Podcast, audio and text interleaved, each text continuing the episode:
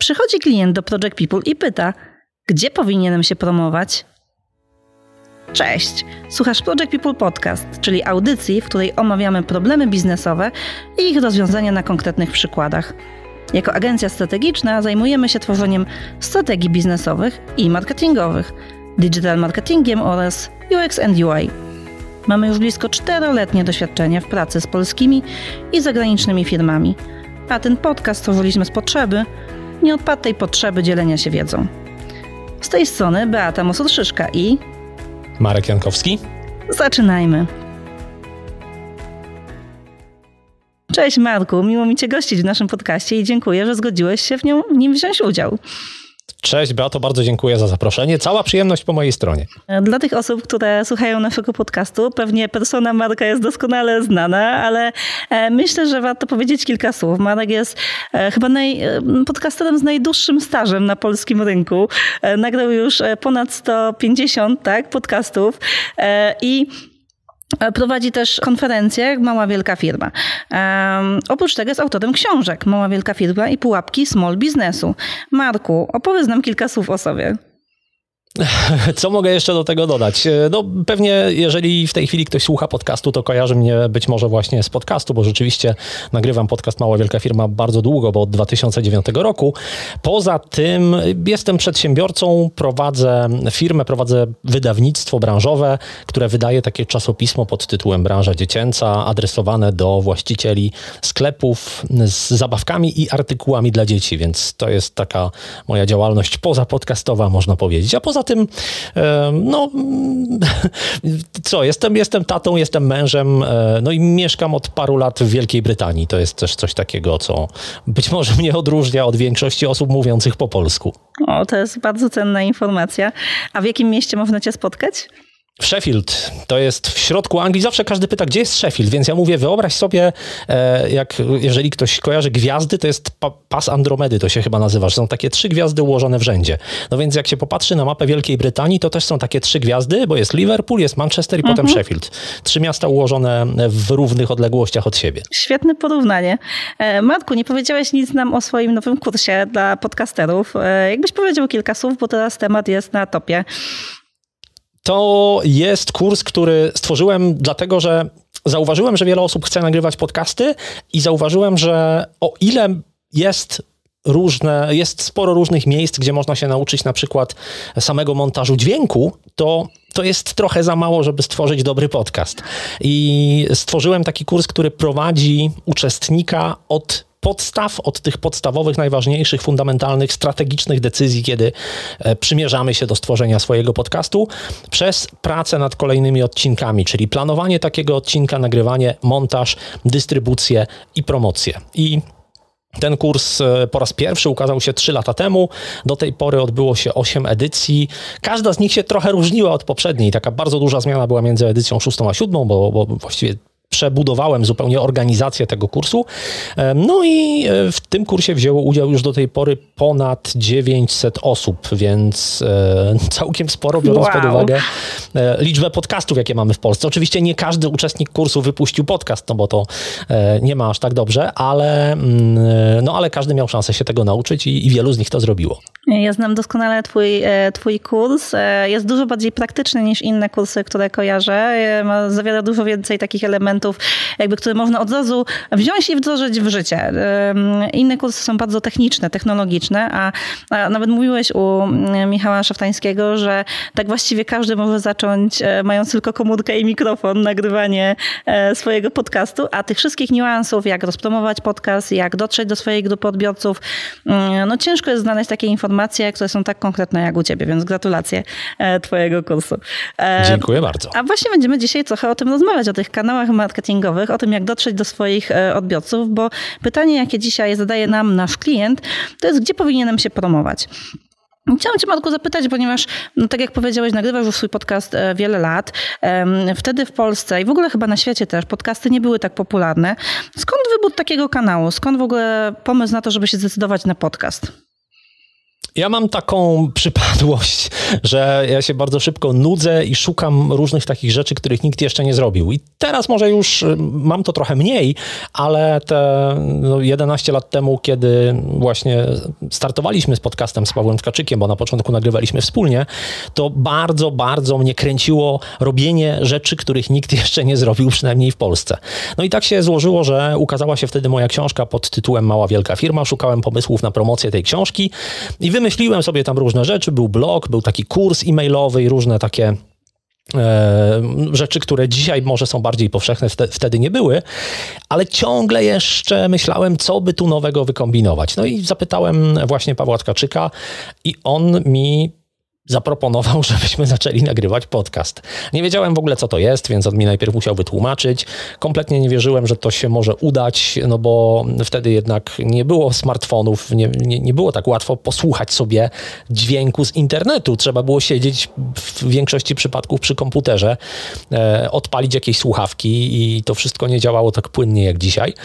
No ale Paweł mnie namówił i, i tak to się zaczęło, więc ten pomysł na podcast początkowo był pomysłem na promocję książki, a później to się właśnie rozwinęło i przerodziło w coś takiego szerszego. A powiedz, jak myślałeś o tym podcaście i o tym, żeby go nagrywać, e, no był jednym z kanałów marketingowych, które wykorzystywałeś. Jakie były inne e, kanały, które wykorzystywałeś do promocji swojej książki? Przede wszystkim to był blog i w ogóle ja miałem wtedy takie przekonanie, zresztą ono ciągle jest, ale już dzisiaj trochę mniej, e, że kiedy się czyta książki biznesowe, to czytelnik jest trochę na końcu pozostawiony sam sobie. No mhm. bo czytam taką książkę, mam masę pomysłów, gdzieś tam mi się gotuje w głowie, chciałbym coś robić i czytam, czytam, czytam, bo ta książka, jeżeli jest dobrze napisana, no to mnie wciąga i, i chcę, żebym ją przeczytał jak najszybciej do końca. Więc czytam ją do końca, zamykam ostatnią stronę i, i zostaję sam. To znaczy, mogę oczywiście zrealizować te rzeczy, które przeczytałem w tej książce, ale no, Książka jest zamkniętą całością, tam nie ma żadnej aktualizacji, tam nie ma możliwości pójścia o krok dalej, poszerzenia pewnych tematów. Więc stąd wziął się pomysł właśnie na blog. I mhm. na tym blogu pisałem o rzeczach, które gdzieś poszerzały treść książki, można powiedzieć. Z drugiej strony, też na tym blogu był taki darmowy kurs e-mailowy i to był taki bardzo prosty kursik, w którym podpowiadałem pewne aktywności, pewne ćwiczenia, pewne zadania związane z poszczególnymi rozdziałami książki. No i znowu dzisiaj to jest y, coś trochę częściej spotykanego. Wtedy ja nie słyszałem o żadnej innej książce, która miałaby coś takiego, więc y, głównie te, te kanały promocji to był właśnie y, blog, no i zawieszony na tym blogu kurs. Oczywiście Moja e, promocja to było jedno, natomiast książka została wydana przez wydawnictwo Studio MK. No i wydawnictwo miało swoje kanały mm, promocyjne, więc wiem, że ta książka gdzieś się pojawiła w, w jakichś mediach, była tam jakaś recenzja tu i tam. E, no oczywiście wszelkie działania związane z dystrybucją książki, które też wiążą się z promocją, z jakimś jej umiejscowieniem odpowiednim w księgarniach, to, to wszystko było po stronie wydawnictwa, więc ja nawet w, nie, nie wnikałem w to za bardzo. To była moja pierwsza książka, więc byłem w ogóle zachwycony, że jest, jest coś takiego, co można znaleźć w księgarni i ma to moje imię i nazwisko na okładce. A jakbyś miał teraz um, promować swoją nową książkę, powiedzmy, że zamiast kursu Podcaster Pro wychodzi książka Podcaster Pro, to jakbyś się do tego zabrał? Jakbym się do tego zabrał? To jest duży temat, dlatego że no, musiałbym się zastanowić, bo e, gdybym chciał napisać książkę adresowaną do osób, które chcą nagrywać podcasty, tak jak kurs, mhm. no to pewnie grupa docelowa zakładam, że byłaby podobna jak w przypadku e, kursu, więc pewnie używałbym podobnych e, kanałów dotarcia z jednej strony. Z drugiej strony dzisiaj mamy dużo większe możliwości. Wtedy nie było Facebooka, nie było reklam na Facebooku, przynajmniej w Polsce. E, więc y, to, to jest jedna rzecz, która na pewno dzisiaj nam przybyła w ogóle nie tylko Facebook, ale różne możliwości reklamy w internecie. No a poza tym, dzisiaj ja już mam pewną społeczność zgromadzoną wokół siebie i jestem w stanie po pierwsze bardzo łatwo dotrzeć bezpośrednio do mojej społeczności, a po drugie za pomocą tej społeczności dotrzeć do jeszcze innych wielu osób, więc y, no, dzisiaj jestem na pewno w zupełnie innej sytuacji niż wtedy. No, byłoby to zdecydowanie dużo prostsze. Płynnie nawiązałeś do kolejnego pytania, które do ciebie mam pytaniami, które miałam tutaj, w, e, w, które sobie przygotowałam. Właśnie powiedziałeś, że wiele swoich kanałów opiera się o społeczność, że cała właściwie twoja promocja opiera się o społeczność. W jaki sposób ją budujesz i dlaczego jest taka ważna dla ciebie? W jaki sposób ją buduję? To jest tak, że ja staram się, żeby to, co robię, było wartościowe, żeby dawało ludziom jakąś wymierną korzyść, żeby oni się czegoś dowiedzieli, nauczyli, żeby rozwinęli swoje firmy. E, I to sprawia, że ludzie chcą słuchać tego mojego podcastu i do niego wracać, więc to jest e, tak, tak bardzo filozoficznie zaczynając. Czyli to jest taki pierwszy i bardzo ważny element. No a jeżeli chodzi o e, takie bardziej techniczne aspekty budowania tej społeczności, no to jest e, podstawą jest lista mailingowa, czyli jest możliwość zapisania się na moją listę. Dzięki temu każdy taki zapisujący się dołącza do czegoś, co się nazywa Klub Małej Wielkiej Firmy i tam jest wiele różnych materiałów dla przedsiębiorców, które nie są e, publicznie dostępne u mnie na blogu, ale właśnie są dostępne w takiej zamkniętej strefie. No i też tym osobom zapisanym na moją listę wysyłam maile przypominające o moim istnieniu z jednej strony, ale z drugiej strony też dające mm, pewne dodatkowe informacje, informujące czy to o nowym odcinku podcastu, czy o jakiejś ciekawej książce, czy o jakimś ciekawym narzędziu. E, więc e, no, poza tym, że, że ci ludzie trafiają na, moim, na moją listę, to też chcę na bieżąco mieć z nimi kontakt, żeby po prostu o mnie nie zapomnieli. No, są też takie mm, elementy, jak choćby mm, jakieś live'y, które czasami robię na Facebooku, więc tam też jest to okazja do tego, żeby dotrzeć do tych osób i do nowych osób i przekazać im jakąś wartościową treść i gdzieś zachęcić ich do kontaktu ze mną. Są e, też te takie spotkania typu konferencja, e, gdzie ci ludzie, którzy chcą oczywiście e, przyjechać i, i się tam pojawić, mają okazję i, i, spotkać się ze mną, a ja z nimi, e, ale też mają okazję poznać innych słuchaczy tego podcastu, więc to jest, myślę, bardzo duża wartość. No pojawia się tutaj dosyć dużo tych elementów e, budowy społeczności z twojej strony. Wiem też o, o jakby o tym, że jesteś aktywny na grupach na Facebooku, również związanych z podcastami. Czy to też jakby traktujesz właśnie jako element budowy społeczności, czy raczej jako ze mną taką działalność promującą to, co robisz? Ja jestem tam rzeczywiście, znaczy pojawiam się tam nie jakoś bardzo często, dlatego że ja mam grupę y, uczestników mojego kursu i tam jestem bardzo aktywny, no ale to jest grupa prywatna, mhm. ona nie jest dostępna dla każdego, więc y, trudno budować społeczność e, tam, no bo, bo tam są tylko ci ludzie, którzy już kupili mój kurs. A jeżeli pojawiam się w innych grupach, bo faktycznie to się zdarza, to to nie ma reguły. Czasami jest, że raczej nie ma, nie, nie, robię czegoś takiego, że wpadam i mówię hello, wypuszczam nową edycję kursu, przyjdźcie do mnie i kupcie.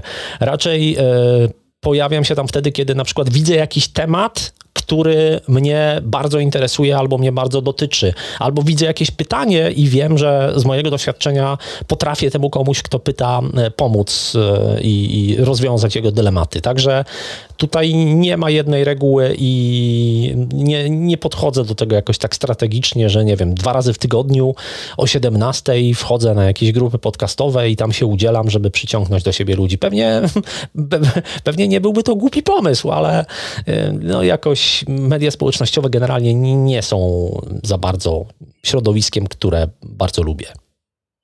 To ciekawe, co mówisz. Ja wrócę jeszcze do tego newslettera, o którym mówiłeś. Ja jestem też odbiorczynią. E, on przychodzi raz w tygodniu. E, dosyć regularnie bym powiedziała, nawet bardzo regularnie. E, chyba w wakacje tylko jest to co dwa tygodnie, prawda? Tutaj się zmniejsza ta, ta częstotliwość.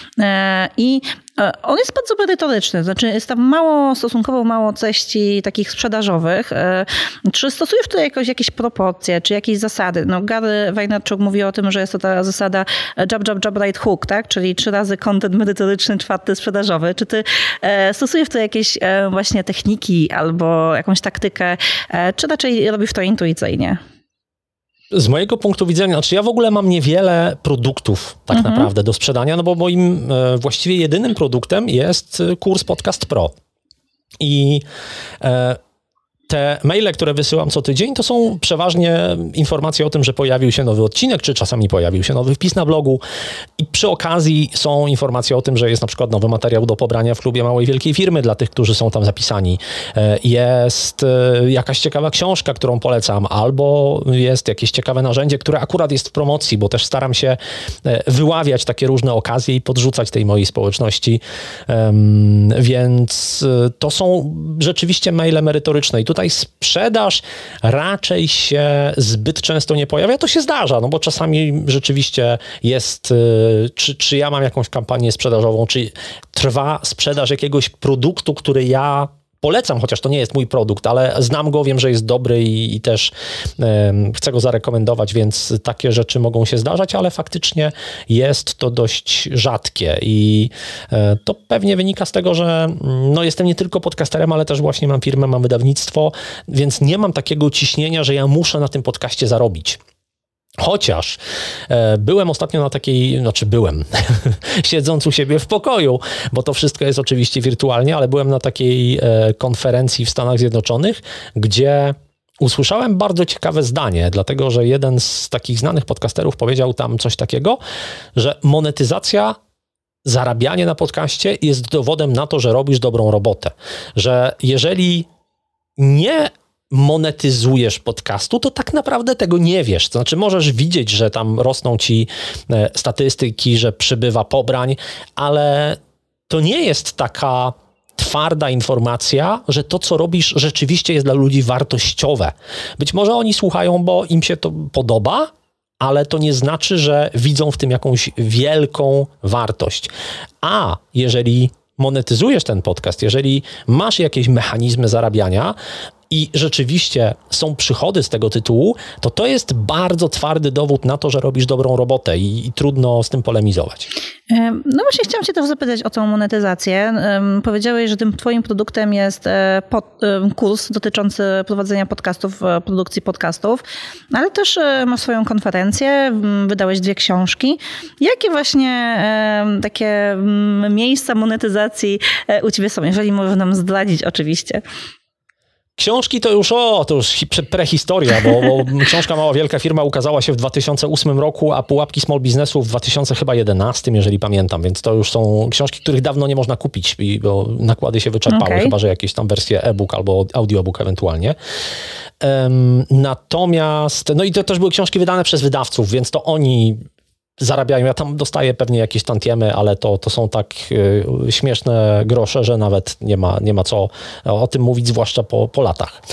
Y, więc jak ja monetyzuję? No rzeczywiście jest y, konferencja i w moim przypadku do tej pory odbyły się dwie takie konferencje, przy czym pierwsza z nich to w zasadzie to się nawet nie nazywało konferencja. To były dziesiąte urodziny małej wielkiej firmy, dziesiąte urodziny podcastu i miało to formę trochę takiej konferencji, ale e, w zasadzie to było takie towarzyskie spotkanie, gdzie zrzucaliśmy się na to, żeby po prostu wynająć salę i, i tam się spotkać. No ładne towarzyskie po...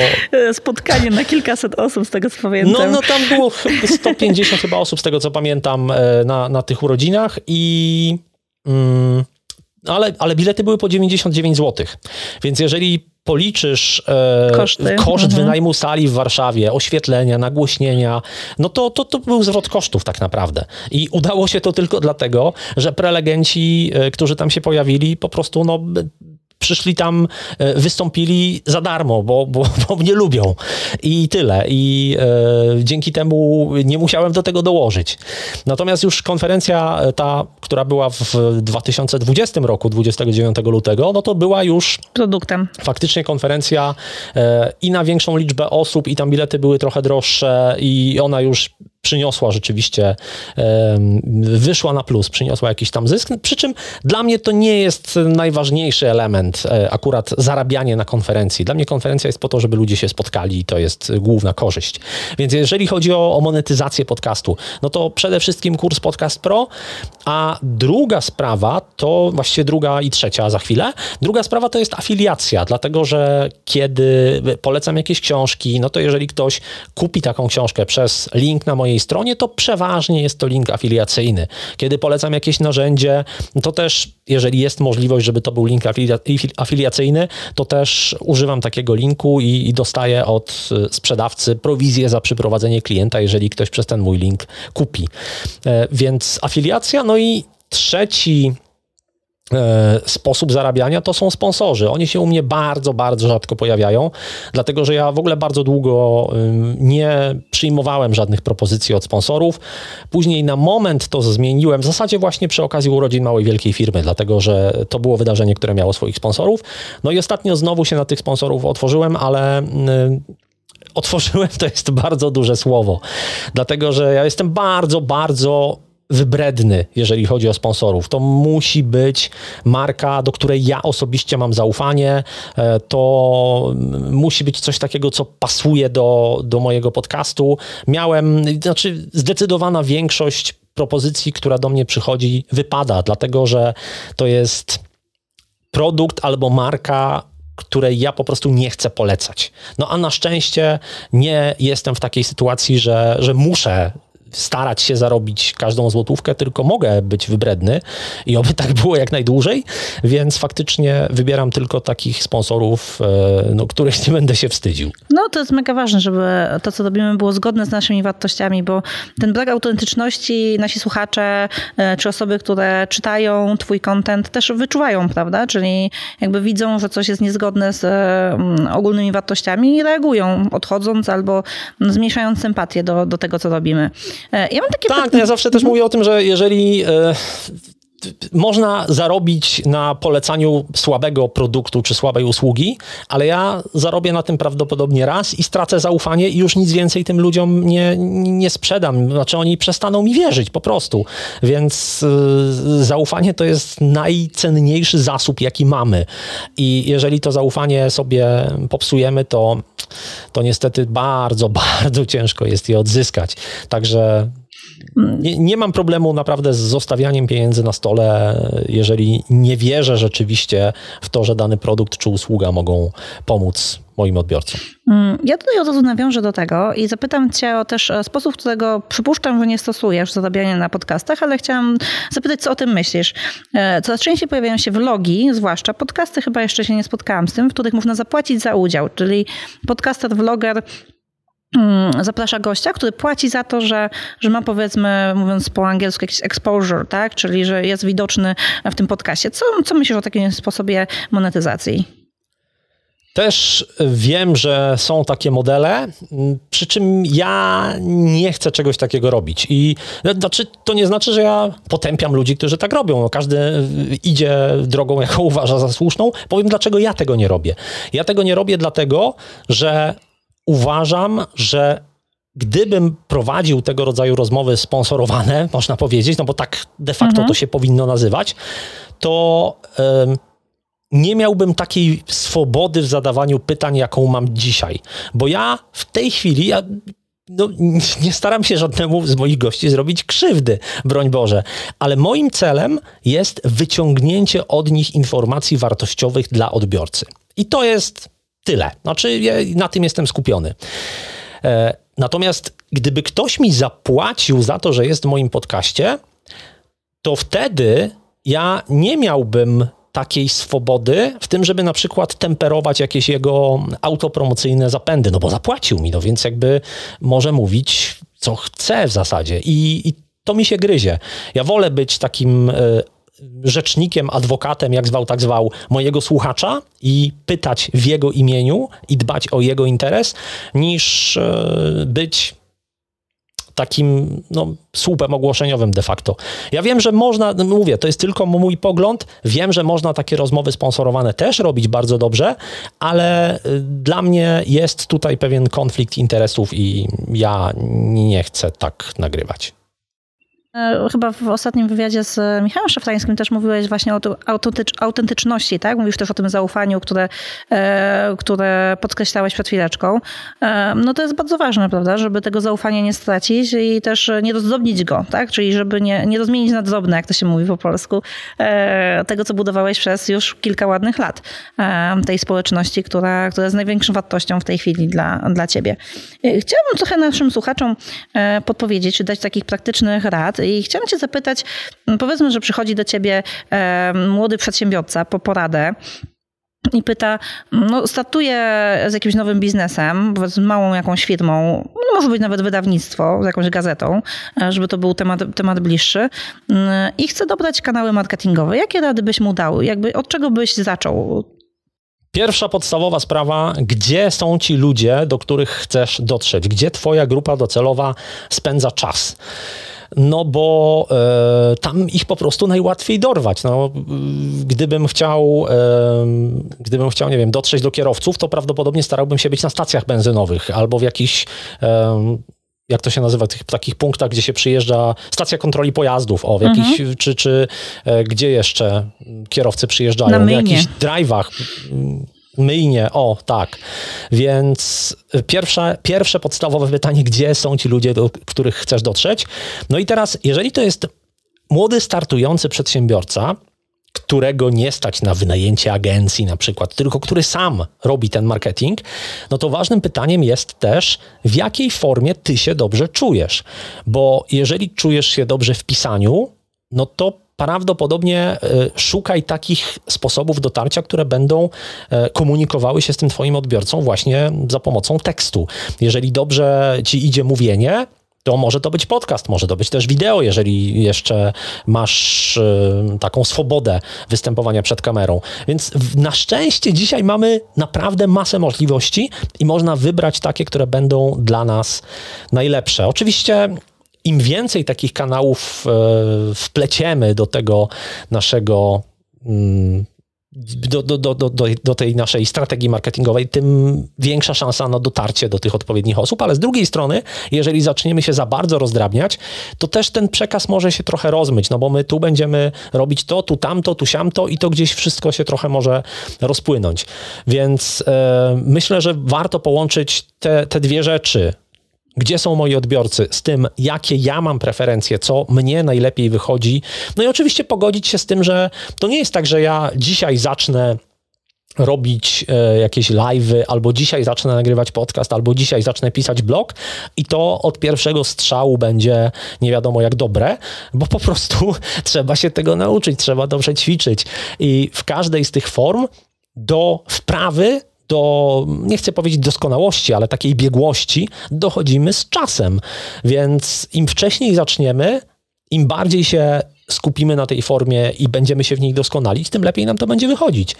E, no a jeżeli mamy taką możliwość, żeby skorzystać z pomocy, czy to jakiejś agencji, czy z pomocy jakichś e, podwykonawców, czy, czy być może pracowników, no to oczywiście wtedy możemy uzupełnić te pola w których my jesteśmy słabsi. Jeżeli ja niespecjalnie dobrze piszę, no to być może znajdę jakiegoś copywritera, który pisze świetnie i on będzie to robił za mnie w moim imieniu. Więc y, można to w dzisiejszych czasach rzeczywiście za pomocą outsourcingu dość łatwo rozwiązać. Przy czym oczywiście trzeba mieć pieniądze na opłacenie takich ludzi, ale bardzo często to się opłaca. To znaczy na pewno dużo taniej i skuteczniej um, osiągniemy dobre efekty, jeżeli chodzi na przykład o copywriting, zlecając to od początku specjaliście, niż samemu doskonaląc się, ucząc się, ćwicząc w dziedzinie, w której nie mamy predyspozycji i która w zasadzie jest nam potrzebna tylko po to, żeby napisać teksty na naszego bloga i do naszych mediów społecznościowych. No bo my jako przedsiębiorcy powinniśmy się jednak skupiać na czymś innym, na rozwoju naszego biznesu, a pisanie tekstów niekoniecznie jest tożsame z rozwojem naszego biznesu, no chyba, że mamy firmę, która zajmuje się copywritingiem, to wtedy tak. E, no zdecydowanie. Taką tendencję mają młodzi przedsiębiorcy e, często, że chcą robić wszystko sami na początku i stają się pracownikami w swojej firmie, zamiast e, być przedsiębiorcami, właścicielami, czy osobami, które jakby monetyzują to, co robią, tylko skupiają się jakby na tym wykonawstwie, na tej operacjonalizacji takiej, tak można powiedzieć. Tak, ale wiesz co, bo to jest ważne. Ja też absolutnie tego nie potępiam na początku mhm. i mało tego, ja nawet zachęcam do tego, żeby próbować różnych rzeczy. Z dwóch powodów. Po pierwsze, jeżeli ja spróbuję czegoś, zobaczę jak to jest trudne, ile się przy tym trzeba narobić, to łatwiej mi będzie zdecydować, że ja wolę komuś zapłacić, żeby to zrobił, to jest jedna sprawa i będę w stanie skontrolować, zweryfikować, czy on to robi dobrze, bo ja wiem, jak to się robi. E, być może nie świetnie, ale wiem, Podstawy ile znam. pracy w to trzeba włożyć. Mhm. Tak. A druga sprawa jest taka, że mogę się nauczyć czegoś o mnie, czego wcześniej nie wiedziałem. Bo jeżeli ja zacznę robić wszystko w mojej firmie, to nagle może się okazać, że odkryję jakiś swój talent, jakieś swoje predyspozycje, o których nie miałem pojęcia. No bo prawdopodobnie, znaczy nieprawdopodobnie, jeżeli idziemy do szkoły, to nie mamy, zaj mamy zajęcia z pisania, ale nie mamy zajęć z występów przed kamerą, nie mamy zajęć z mówienia do mikrofonu. I dopóki tego nie spróbujemy, dopóki nie zrobimy tego kilka, kilkanaście razy i nie poczujemy się w tym e, być może pewniej, a być może mniej pewnie, to tak naprawdę nie wiemy, czy to jest coś, co nam pasuje, czy nie. Więc e, takie próby są bardzo, bardzo cenne, zwłaszcza kiedy jesteśmy e, młodzi, kiedy możemy bezkarnie zwykle eksperymentować, no bo bardzo często mamy zaplecze finansowe w postaci rodziców, bardzo często nie jesteśmy jeszcze w, postawieni w sytuacji, w której musimy utrzymywać całą rodzinę. Albo mamy więc... kredyt hipoteczny i musimy go Otóż spłacać. to, kredyt hipoteczny, tak. Także to jest całkiem dobry czas do tego, żeby eksperymentować. E, super. E, zadam jeszcze w takie pytanie trochę techniczne. Mm, mówi się o różnych lejkach marketingowych i o tym, że one mogą mieć jakby różne kroki i każdy kanał powinien mieć swój cel. E, u ciebie widać, że, że każdy kanał jest prowadzony bardzo celowo, czyli publikujesz poszczególne treści na poszczególnych kanałach kanałach. Jakbyś zdradził, jak wygląda dla ciebie taki lejek, jak właśnie, jakie funkcje, jaki cel mają poszczególne kanały u ciebie? Ja skupiam się, znaczy dla mnie głównym medium jest podcast. I to jest jasne i e, to jest ważne też z tego powodu, że ja w zasadzie każdy odcinek podcastu publikuję w trzech formach. No bo to jest forma audio, czyli taki mhm. właśnie czysty Nagranie. podcast, mhm. jest forma wideo jest forma tekstowa. Forma Audio jest dla mnie kluczowa, dlatego że tam mam najwięcej odbiorców. To jest jeden powód. Ja też w tej formie się najlepiej czuję, a e, te pozostałe formy są uzupełniające i one pozwalają mi mm, też docierać do osób, które być może niekoniecznie słuchają, albo nie zawsze słuchają, albo chcą odszukać sobie, e, przeszukać tę treść, więc łatwiej im to zrobić w formie tekstowej, albo mm, po prostu żyją w YouTubie i to jest ich domyślny odtwarzacz multimediów, więc e, tam forma wideo jest też dla nich. Ale właśnie podcast jest dla mnie takim, takim głównym kanałem. No i jeżeli chodzi o media społecznościowe, to one też w zasadzie, ja wiem, że to nie jest najlepsze, dlatego też mówiłem wcześniej, że nie przepadam za mediami społecznościowymi, bo to się powin, media społecznościowe powinno się robić trochę inaczej niż ja robię. Ja to w teorii wiem. Znaczy, media społecznościowe powinny służyć właśnie do budowania społeczności i do nawiązywania relacji i tak dalej. Tyle tylko, że ja mam ciągle takie. Hmm, przekonanie, które jest dość, dość oczywiste, że media społecznościowe to nie jest mój grunt. Mhm. Ja tam jestem gościem. I media społecznościowe w każdej chwili mogą zmienić zasady swojego działania, mogą zablokować mi konto i tak dalej, i tak dalej. Zresztą e, mam bardzo wiele przykładów tego, jak frustrujące jest takie budowanie biznesu w dużej mierze opartego na mediach społecznościowych, dlatego że tak się składa, że moja żona prowadzi bardzo dużą grupę na Facebooku. Grupa nazywa się Aktywne Czytanie i jest to grupa, gdzie rodzice rozmawiają o książkach dla dzieci. Bardzo sfokusowana grupa tylko na tym temacie. Tam nie ma nic o książkach dla dorosłych, nie ma tam e, nic o, o, zabawkach, o wychowaniu dzieci. Tam są tylko książki dla dzieci. I ja naprawdę bardzo często słyszę, jak moja żona e, wkurza się na Facebooka, bo tu coś zmienili, tu coś przenieśli, tu coś nie działa. Więc to, to jest naprawdę frustrujące.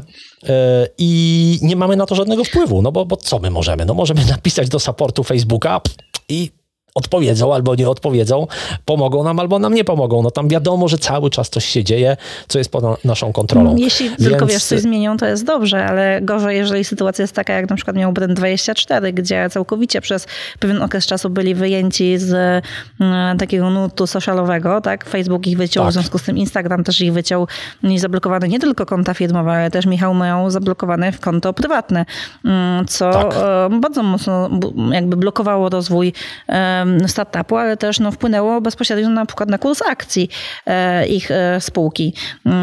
My prowadzimy takie szkolenie What If e, dla naszych klientów, dla startupów, w którym właśnie testujemy różne takie scenariusze biznesowe.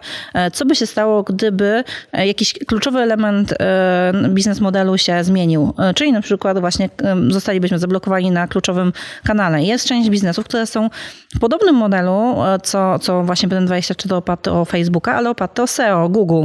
Mm, I też no, wystarczy, że Google zbanuje domenę. Proces dochodzenia do tego, żeby, żeby ją przywrócić czy żeby została powiedzmy oczyszczona e, tak, w wyszukiwarce e, jest bardzo długi i trudny, e, no a cały nasz biznes powiedzmy jest o to oparty, no to mm, cashflow jest zagrożone, całe finanse firmy, przychody są zagrożone, więc jest to, jest to trudna sytuacja. No właśnie, i dlatego, dlatego ja social media tak bardzo, bardzo ostrożnie i tam jestem oczywiście i też wykorzystuję e, takie rzeczy jak na przykład pytanie ludzi o zdanie w różnych mhm. kwestiach. E, no ale nie, nie mam serca do tego, żeby się tam zaangażować w 100%, bo to po prostu nie jest mój grunt i, i tyle. To w jaki sposób sprowadzasz właśnie ruch social mediów, czy z nie swoich kanałów do, do swojej grupy, czy do swojego newslettera? Jakie tutaj e, mechanizmy stosujesz? Takim najlepszym sposobem na e, przyciąganie słuchaczy do podcastu jest e, bycie gościem w innych podcastach. To jest podstawowa sprawa, dlatego że generalnie, kiedy chcemy pozyskać, no tak jak powiedziałem, dla mnie głównym medium jest podcast, więc do tego będę się odnosił. Kiedy chcemy pozyskać słuchaczy do naszego podcastu, to interesują nas takie trzy kręgi odbiorców. Pierwszy krąg to są ludzie zainteresowani tematyką, w której my się poruszamy. No bo wtedy prawdopodobnie my też możemy rozwiązać pewne ich problemy. Drugi krąg to są ludzie, którzy słuchają podcastów, no bo dla nich to jest medium, które oni już znają i z którego korzystają. A trzeci krąg to są ludzie, którzy mają jakąkolwiek relację ze mną, którzy wiedzą o moim istnieniu. E, oczywiście im lepiej mnie znają, im bardziej mi ufają, tym lepiej, ale e, no, kojarzą, że jest ktoś taki jak ja. No i teraz kiedy połączymy sobie wszystkie te trzy kręgi, bo one tak trochę nachodzą, nachodzą na, na siebie, siebie. Więc y, jest, jest taki punkt wspólny wszystkich tych trzech kręgów i to jest właśnie występowanie w innych podcastach, no bo wtedy trafiam do słuchaczy podcastów, trafiam do ludzi zainteresowanych moim tematem, no bo raczej nie będę występował w podcaście na temat y, uprawy truskawek, bo się na tym nie znam. I w dodatku, ponieważ gospodarz tego podcastu mnie zaprosił, to on wprowadza mnie niejako i przedstawia mnie własnej społeczności, więc ja już nie jestem dla nich takim e, człowiekiem totalnie anonimowym, no bo jednak e, ten człowiek, do którego oni już mają zaufanie i którego znają, zarekomendował mnie w pewien sposób. Czy to nie musi być rekomendacja taka e, stricte, ale przedstawił mnie tym ludziom. Więc e, występy gościnne w innych podcastach to jest dobry sposób. Poza tym ja też w moim podcaście robię coś takiego, że e, tak jak mówiłem, bardzo ważnym elementem dla mnie jest lista adresowa, lista mailingowa. Więc w każdym odcinku mojego podcastu jest jakiś prezent dla słuchaczy. I to jest zwykle jakiś PDF, czasem jakiś arkusz, czasem jakieś wideo, coś, co uzupełnia treść odcinka i pomaga bardzo często wdrożyć tę wiedzę, która pojawiła się w odcinku. Ten bonus, ten prezent jest dostępny dla osób, które zapiszą się do klubu małej wielkiej firmy. Zapisanie się jest darmowe i tam można być za darmo. Dostaje się wtedy dostęp nie tylko do tego prezentu z danego odcinka, ale właśnie do całej tej bazy prezentów. I to jest też taka zachęta dla osób zainteresowanych tymi tematami, o których ja mówię w podcaście, żeby się na tej liście znaleźć, no bo, bo po prostu dostaje się wiele rzeczy, których nie ma gdzie indziej w internecie. To jest druga sprawa. Trzecia sprawa, niedawno też zacząłem testować takie rozwiązanie, że zacząłem nagrywać podcasty w formie live'ów. Do tej pory było tak, że umawiałem się z gościem na nagranie, nagrywaliśmy i w zasadzie nikt nawet nie wiedział o tym, kim ja nagrywam i o czym nagrywam, dopóki odcinek się nie ukazał. No ale e, pomyślałem, dobrze, a gdyby tak, skoro ja i tak poświęcam czas na nagranie, na spotkanie z tym gościem, i tak się widzimy, i tak się słyszymy, no to jeżeli my w, czasie rozmowy udostępnimy to w internecie, to co się stanie? Teoretycznie może być tak, że ktoś obejrzy tę rozmowę na żywo, e, kiedy ona będzie dostępna na, na Facebooku czy na YouTubie, no i później nie posłucha odcinka z tym samym gościem. Jest takie ryzyko. Ale z drugiej strony jest stosunkowo małe grono osób, które są w stanie oglądać taką relację na żywo przez cały czas. To po pierwsze. Po drugie, w podcaście jest to zmontowane, skompaktowane. Bardzo często jest tak, że kiedy rozmawiam z gościem, to później też uczestnicy tego live'a zadają pytania, więc ta rozmowa się przeciąga. Później w podcaście ja wyciągam, wybieram tylko niektóre z tych pytań, więc e, to, to jest taka bardziej zwarta właśnie forma, trochę inna. I co się okazało? Okazało się, że to nie, nie, nie, przeszkadza w żaden sposób podcastowi, a pomaga też docierać do nowych osób, dlatego że e, te formy live w platformach takich jak YouTube czy Facebook są promowane. Więc uczestnicy. Zwiększa się e, zasięg. Czy, czy, po prostu. No, otóż to, osoby obserwujące mój profil dowiadują się o tym, że ja coś nadaję, wchodzą. No i znowu, ja ten prezent, który mam dołączony do odcinka, rozdaję też w trakcie live'a, jeżeli ktoś się zapisał. Więc to, y, to są takie sposoby, akurat jeżeli chodzi o te live'y, to to zacząłem testować niedawno, ale widzę, że to też może y, bardzo fajnie pomagać, przyciągać ludzi na listę adresową. Z tego, co słyszę, to bardzo starasz się maksymalizować e, korzyści ze swoich poszczególnych działań, bo słyszę, że na przykład nagrywając e, podcast, od razu go dajesz na kilka platform, prawda? Kiedy go teraz nagrywasz, starasz się go nagrywać live, żeby też zwiększać zasięg. A możesz podać jeszcze kilka takich przykładów, gdzie właśnie jedną akcja przynosi ci kilka, realizuje kilka twoich celów? E, znaczy, ja generalnie mam rzeczywiście coś takiego, że ja nie cierpię marnotrawstwa. I y, jeżeli coś można zrobić bardziej efektywnie, to ja to robię. Ja y, jestem w, w, swoim pokoju na górze na przykład, na dole jest pralka, ale tutaj nie wiem, zrzucamy rzeczy do prania, więc jak ja idę na dół i wiem, że są rzeczy do prania, to ja je zabieram po drodze, a nie biegam specjalnie, no bo optymalizuję swoje działania. I y, mam, mam tak w bardzo wielu sytuacjach. Także jeżeli chodzi o e, te działania biznesowe, musiałbym się zastanowić, co ja tam jeszcze robię takiego. Problem polega na tym, że dla mnie to są bardzo oczywiste rzeczy, więc ja ich nawet nie widzę, e, bo dla mnie no, byłoby absurdem robić inaczej. E, więc e, prawdopodobnie musiałbym zapytać kogoś z zewnątrz, co on widzi u mnie takiego, co z jego punktu widzenia jest zoptymalizowane i, i to pomaga. No jest. Trudno to, znaczy jest to pewna forma optymalizacji. Od pewnego czasu współpracuję e, z asystentką, z Kasią, która bardzo mnie odciąża w wielu różnych sprawach. No i to pomaga mi też lepiej optymalizować różne działania, dlatego że na przykład, jeżeli ja coś chcę Kasi przekazać, e, takiego, co ona powinna umieć i powinna realizować później już za mnie, to w tej chwili ja najczęściej po prostu robię to sam, nagrywając ekran i komentując to, co robię. Wrzucam jej to wideo i mogę o tym zapomnieć. Więc wczoraj nawet miałem taką sytuację, że tam e, wymyśliłem pewną optymalizację w bazie mailingowej, żeby trochę lepiej uporządkować tych ludzi, którzy się tam dopisują. Więc nagrałem taki tutorial instruktaż. Jakby. Mhm tak, co zrobić, żeby te osoby były dobrze dopisywane, wrzuciłem Kasi i wiem, że to już się będzie działo. E, więc no to, to nagrywanie ekranu to jest też jedna taka, jedna z opcji, które mm, pomagają optymalizować efektywność działań. Ja tutaj dodam, bo nie wiem, czy wiesz o tym, nie chcę Kasi zabierać pracy oczywiście, ale e, my korzystamy z takich robotów, które e, jeżeli nagrasz coś na wideo, nagrasz coś na, co robisz myszką, prawda, na swoim komputerze, e, no to teraz teraz może to odtworzyć robot, więc wcale nie musisz tego robić z pomocą asystentki albo samodzielnie. No tak, tylko taka podpowiedź dla naszych, e, dla naszych słuchaczy. To są bardzo fajne e, rozwiązania już automatyzujące, które funkcjonują na rynku i, i świetnie się sprawdzają. No to e, powiem Ci, że ja mam próbowałem z czegoś takiego mhm. korzystać, tyle że u mnie to nie wiem na ile zaawansowane są te rozwiązania, z których wy korzystacie. U mnie jest tak, że to wymaga jednak też myślenia po drodze, dlatego że e, to działanie, które ja tam mam, ono wymaga na przykład w pewnym momencie podania odpowiedniej informacji. Mhm której robot nie zna, no bo, bo to trzeba po prostu wydedukować z tego, co się zrobiło wcześniej.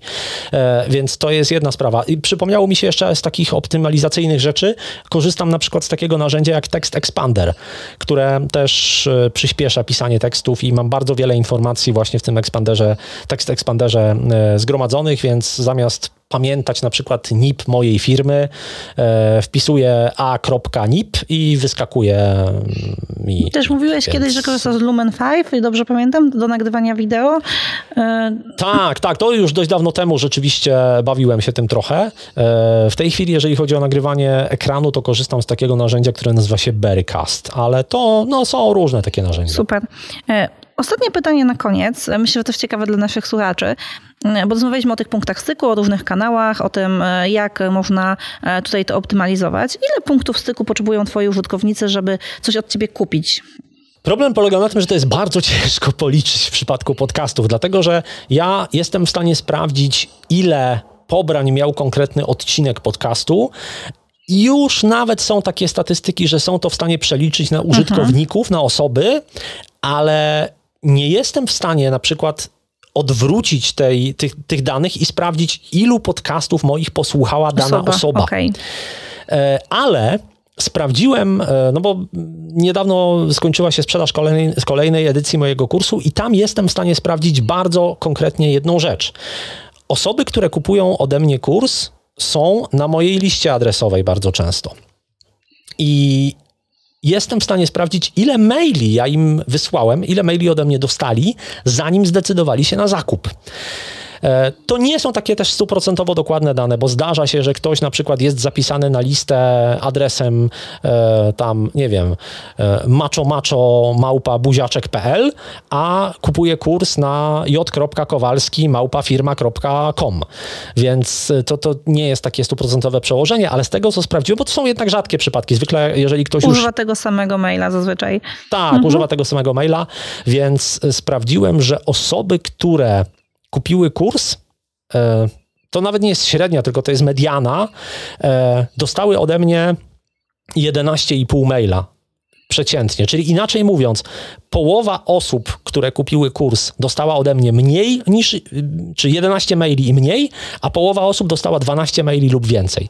Więc e, no, jak się tam mówi o różnych, tam różne są tak, wersje, tam 7 tak. punktów styku, 10, 12 i tak dalej, no to myślę, że te 11,5 to dość dobrze pokazuje e, chyba, że nie wystarczy jeden kontakt, ani dwa, ani trzy w zdecydowanej większości przypadków. I pamiętajmy, że to są tylko i wyłącznie maile. maile. A te osoby też mogły stykać się z moimi komunikatami oczywiście w podcaście, mogły się stykać w mediach społecznościowych, czy nie wiadomo Czytać gdzie książkę, jeszcze. być na konferencji, wiesz, mogły mieć wiele punktów styku z tobą. Też prowadzisz e, działania personal brandingowe na LinkedInie przecież, prawda? Więc, e, więc mogłyby być w różnych miejscach. No tak, statystyki mówią, że jest to między 6 a 8 e, tych punktów styku, tak mówi HubSpot, czyli największa taka baza, która zbiera te punkty styku, no ale myślę, że w obecnych czasach ta liczba punktów styku potrzebnych do zakupu po prostu się zwiększa, dlatego że coraz bardziej jesteśmy atakowani różnymi bodźcami, różnymi działaniami marketingowymi i gubimy się jako odbiorcy, jako użytkownicy w tym, więc jako, jako e, marka, jako twórca, jako nie wiem, startuper powinniśmy zadbać o to, żeby tych punktów styku było jak najwięcej, żeby się upewnić po prostu, e, że jest ich wystarczająca liczba do tego, żeby, żeby do naszych, do naszych odbiorców. Ja sobie tutaj zapisywałam takie lekcje, które dla mnie gdzieś e, wybrzmiały z naszego wywiadu. Podsumuję może je krótko, ale jakbyś uzupełnił to ze swojej strony e, swoimi przemyśleniami, to by było fantastycznie. Ja zauważyłam, że jesteś ogromnie linowy e, jako twórca. Pojawia się ogrom wartości takich bardzo wspólnych z tym, jak my działamy w Project People, bo pojawiło się to, żeby dostarczać wartość dla swoich odbiorców, żeby jakby maksymalizować to, co dostarczamy. Pojawiło się taki powiedzmy nut less waste, czyli żeby nie marnotrawić materiału, który mamy, nie marnotrawić siły, czyli żeby maksymalizować e, to, co możemy zrobić w ramach poszczególnych kanałów marketingowych, reużywać te treści e, w różnych formułach, ale też je wykorzystywać do, e, do różnych celów. Żeby być autentycznym jako twórca i, e, i jakby nie rozdabniać się na szybki zysk, tylko myśleć w takiej długofalowej perspektywie wartości dostarczonej dla odbiorców i dla nas, dla marki i, i taka optymalizacja naszych działań. Czy coś byś dodał z takiego podsumowania, powiedz? No myślę, że świetnie to podsumowałaś. Także e, jak mówiłaś o tym marnotrawstwie, to jeszcze przypomniała mi się jedna mhm. taka historia, która bardzo mi utkwiła w pamięci, dlatego że e, no byłem, byłem mega zaskoczony, kiedy to zobaczyłem. Kiedyś jest, jest w Polsce taka największa chyba polska fabryka, e, nawet na pewno, fabryka akcesoriów dla dzieci. Mhm. I to jest firma Canpol. Zgadza się. Która Smoczki, ma butelki. swoją fabrykę. Tak, smoczki, butelki, różne takie rzeczy. I kiedy się jedzie, nie wiem jak tam teraz te drogi przebiegają, ale jak się jechało z Wrocławia do Warszawy, to się przejeżdżało obok tej fabryki. I to, to jest chyba Żabia Wola, niedaleko Warszawy. I kiedy oni otworzyli nową halę tam w pewnym momencie, to e, ja jako dziennikarz branżowy wtedy też zostałem zaproszony. Pojechałem obejrzeć tę halę i byłem w szoku. Byłem w szoku widząc, jak oni potrafili zagospodarować wszelkie możliwe odpady. Tam się nic nie marnuje. Tam jest, e, są oczywiście systemy do odzyskiwania ciepła maszy, z maszyn, żeby to ciepło ogrzewało hale. Są e, odpowiednie oświetlenie, żeby nie trzeba było zużywać tyle energii, energii elektrycznej. E, jeżeli są jakieś tam wykrawki plastikowe, to one od razu trafiają do maszyny, która je mieli i są wykorzystywane do produkcji. W pudła, w których e, dostają pewne e, składniki, elementy, komponenty produkty. do produkcji, mhm. są wykorzystywane do wysyłek, jest takie, mm, nie wiem jak to się fachowo nazywa, ale taka e, taśma plastikowa czy foliowa, z której oni coś tam wycinają i później tę taśmę oni nie są w stanie tego sami przetworzyć, ale to, co zostało z tej taśmy, oni odsprzedają tej firmie, która sprzedała im tę oryginalną taśmę, bo ta firma jest w stanie to przetworzyć. I naprawdę ja tam chodziłem i myślałem sobie, Boże, jakie to jest piękne. Ile tam jest rzeczywiście fantastycznych rozwiązań, które powodują, że to jest tak, tak bardzo dopracowane. Więc ja e, uwielbiam tego rodzaju optymalizację i naprawdę e, jak... Dlatego ja też lubię testować różne narzędzia, e, różne oprogramowanie, bo czasami faktycznie jest tak, że e, człowiek nie zdaje sobie sprawy, no bo ciągle pojawiają się nowe narzędzia. Nie zdaje sobie sprawy z tego, jak bardzo można sobie ułatwić pracę, jeżeli zastosuje się jakieś tam małe rozwiązanie. No i zawsze na początku jest jakieś małe tarcie, no bo trzeba się nauczyć korzystać z tego rozwiązania. Ale kiedy pokonamy te, to tarcie, e, to ojej, to, to rzeczywiście czasami to jest sama radość. Podsumowując, Marek Jankowski ma lid w sercu, można by było powiedzieć. E, ja bardzo Ci dziękuję za udział w naszym e, dzisiejszym podcaście, za Twoją energię i wiedzą, którą się podzieliłeś. Zapraszam naszych słuchaczy do Twojego kursu, do kolejnej edycji, która e, odbędzie się kiedy? Jakbyś powiedział? odbędzie się w pierwszym kwartale 2021 roku, natomiast ja mogę w każdej chwili zaprosić na stronę podcastpro.pl, dlatego że nawet kiedy nie trwa sprzedaż kursu, to tam można się dopisać na taką specjalną listę i to jest z jednej strony lista oczekujących zainteresowanych kursem, ale Wszystkie osoby, które są na tej liście, dostają ode mnie co piątek maila ze wskazówkami dotyczącymi nagrywania podcastów. Więc nawet jeżeli ktoś nie chce kupować kursu, ale jest zainteresowany robieniem podcastów, to z tych maili naprawdę wyciśnie masę wartości, więc zapraszam, można się zapisać na stronie podcastpro.pl. Tak sobie w ogóle pomyślałem, że e, może chciałabyś dać swoim słuchaczom jakiś prezent ode mnie związany z nagrywaniem podcastów. Myślę, że jak najbardziej. Myślę, że to jest fantastyczny pomysł. Może jakąś checklistę podcastową albo... Okej, okay, to, to zróbmy tak. E, ja mam taki proces tworzenia podcastów, gdzie jest, są, jest sześć głównych etapów i one są rozbite na poszczególne działania, więc naprawdę taka ściąga, która pokazuje, co krok po kroku trzeba zrobić, żeby nagrać podcast. To jest jedna sprawa. E, do tego jeszcze dorzucę listę e, sprzętu podcastowego, który polecam i to wszystko będzie do pobrania na stronie podcastpro.pl ukośnik Project People. Fantastycznie. I tam będzie, e, tam będzie właśnie to i przy okazji będzie się można też dopisać na tę moją listę e, z co tygodniowymi wskazówkami dla przyszłych podcasterów, więc zapraszam. Ja również zapraszam. Dziękuję Ci Marku za, jeszcze raz za udział i mam nadzieję, że do usłyszenia niebawem. Dzięki wielkie i mam nadzieję również do usłyszenia. Jeśli Ty chciałbyś odpowiednio dobrać swoje kanały marketingowe i zbudować lejek marketingowo-sprzedażowy, który sprzedaje, umów się na bezpłatną konsultację.